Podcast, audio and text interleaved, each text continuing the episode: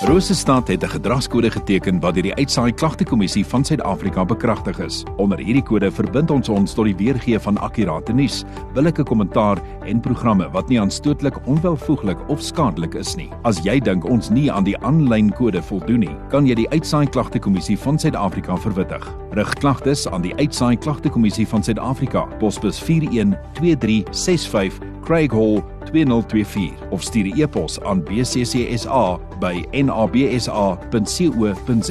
Vir verdere inligting, besoek www.bccsa.co.za. Tyd vir oggendgodsdiens op 100.6 FM. Weer eens in atelier saam met my Dominee Kobus Botha van die Gereformeerde Kerk Bloemfontein Noord. Dominee, welkom en goeiemôre. Baie dankie, Cyril. Goeiemôre. Kom ons kyk so 'n bietjie um die reeks wat uh, wat wat hier deur die week uh, vir ons uh, um dan nou lei. Uh, ons het uh, al daai potgoeie op ons webwerf. Um, vandag gaan ons aan. Ja, uh, ons het gister nog stil gestaan by 1 Johannes 1. Vanmôre lees ons 1 Johannes 2, die eerste 2 verse.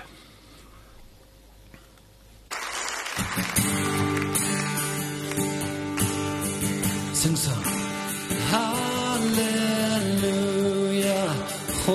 God is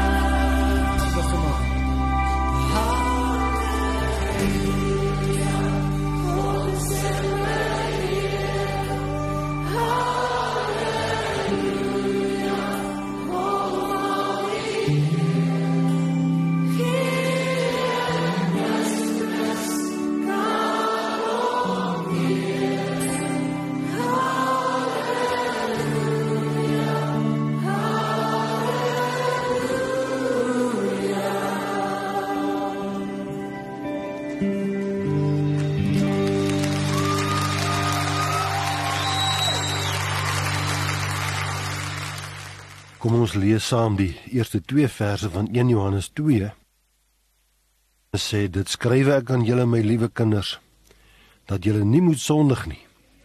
En as een van ons sondig, ons het Jesus Christus die regverdige as ons voorspraak by die Vader.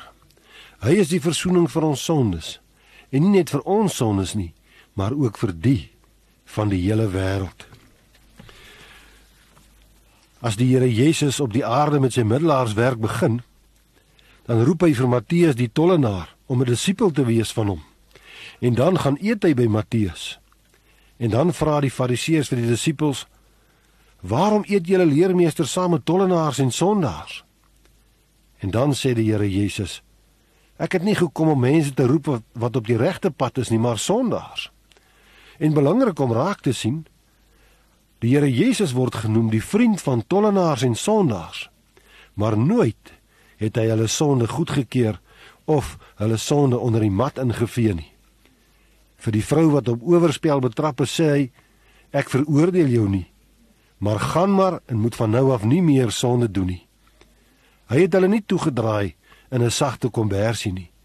Nee, hy roep hulle tot bekering en hy skenk aan hulle bevryding en vernuwing. In 60 jaar later dan bring Johannes steeds dieselfde evangelie. Hy sê ek skryf aan julle my kinders dat julle nie moet sondig nie. En die Hebreërskrywer sê: "Julle het nog nie so teen die sonde weerstand gebied dat dit vir julle 'n stryd om lewe of dood geword het nie. Ja, die mens wat wedergebore is deur die Heilige Gees, is glad nie meer onder die heerskappy van die sonde nie, maar die sondige natuur is steeds teenwoordig. En Johannes konfronteer die gelowige met die realiteit van hulle inwonende sondigheid, maar hy konfronteer hulle ook met die offerdood van Christus en die feit dat hy as volmaak regverdige die Christen se voorspraak by die Vader is. En dit maak dat die gelowige nooit oppervlakkig met die sonde omgaan nie. Nooit mag ek sê, ag, ek is maar so gemaak en so gelaat staan nie.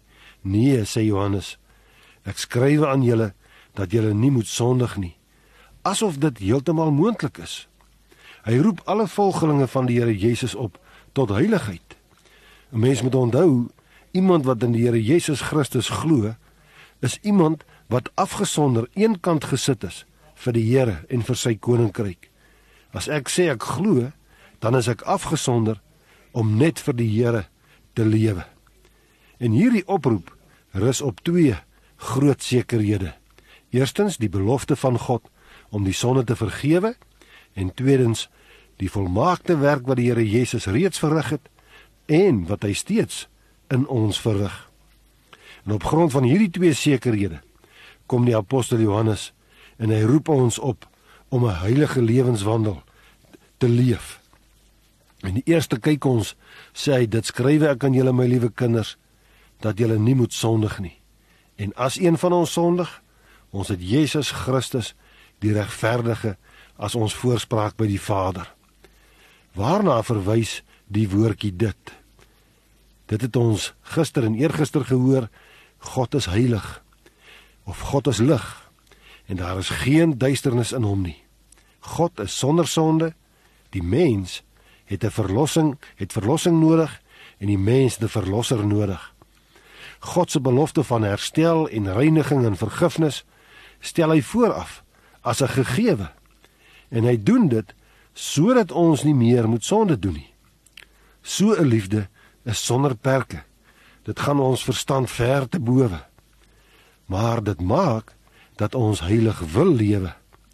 En die tweede uh, fundament sê hy ten spyte van die heerlike belofte hierbo gebeur dit dat toegewyde Christene wel faal en soms struikel en sonde sonde doen. En dan sê Johannes maar as een van ons sondig Ons het Jesus Christus die regverdige.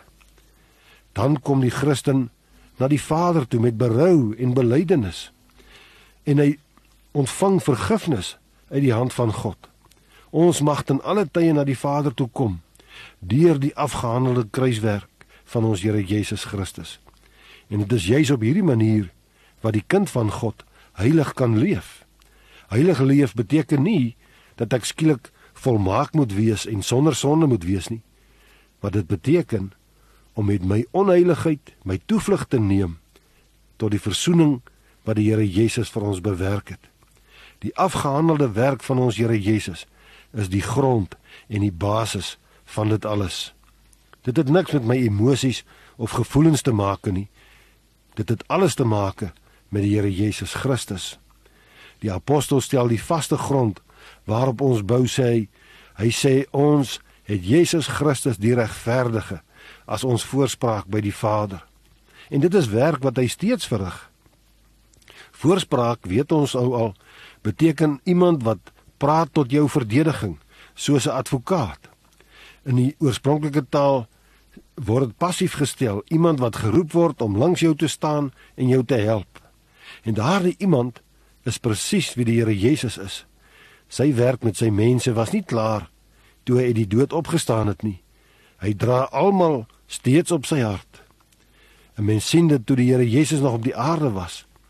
En ons kan natuurlik nie die term voorspraak net so vergelyk met 'n advokaat in 'n hedendaagse hofsituasie nie.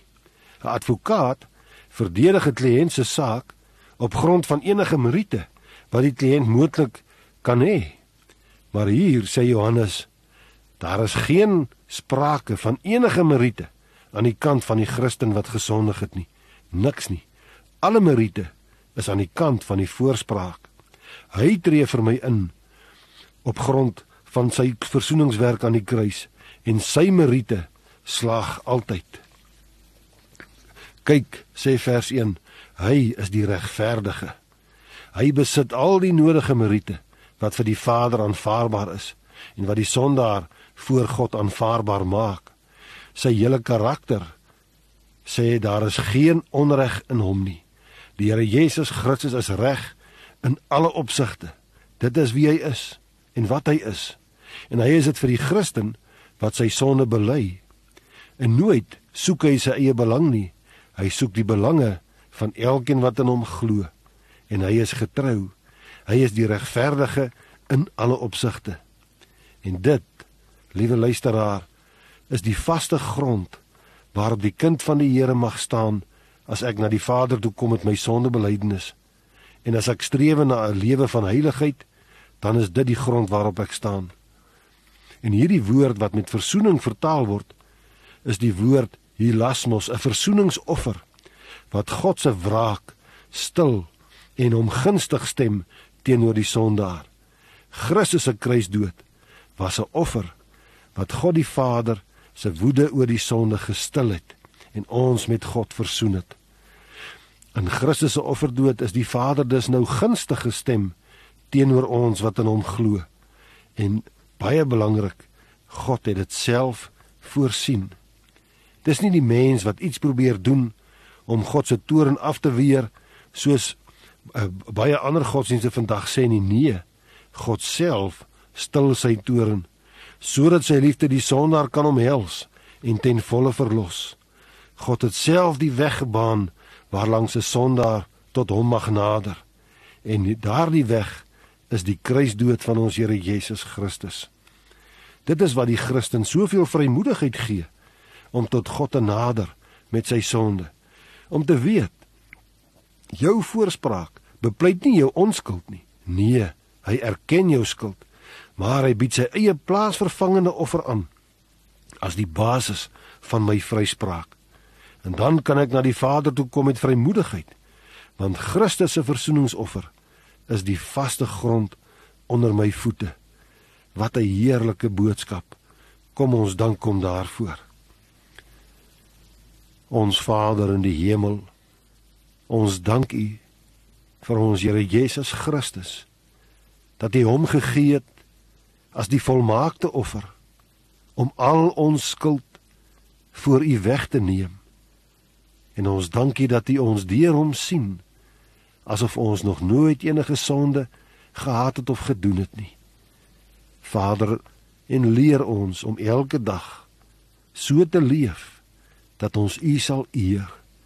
Dit bid ons juis in die naam van ons Here Jesus Christus.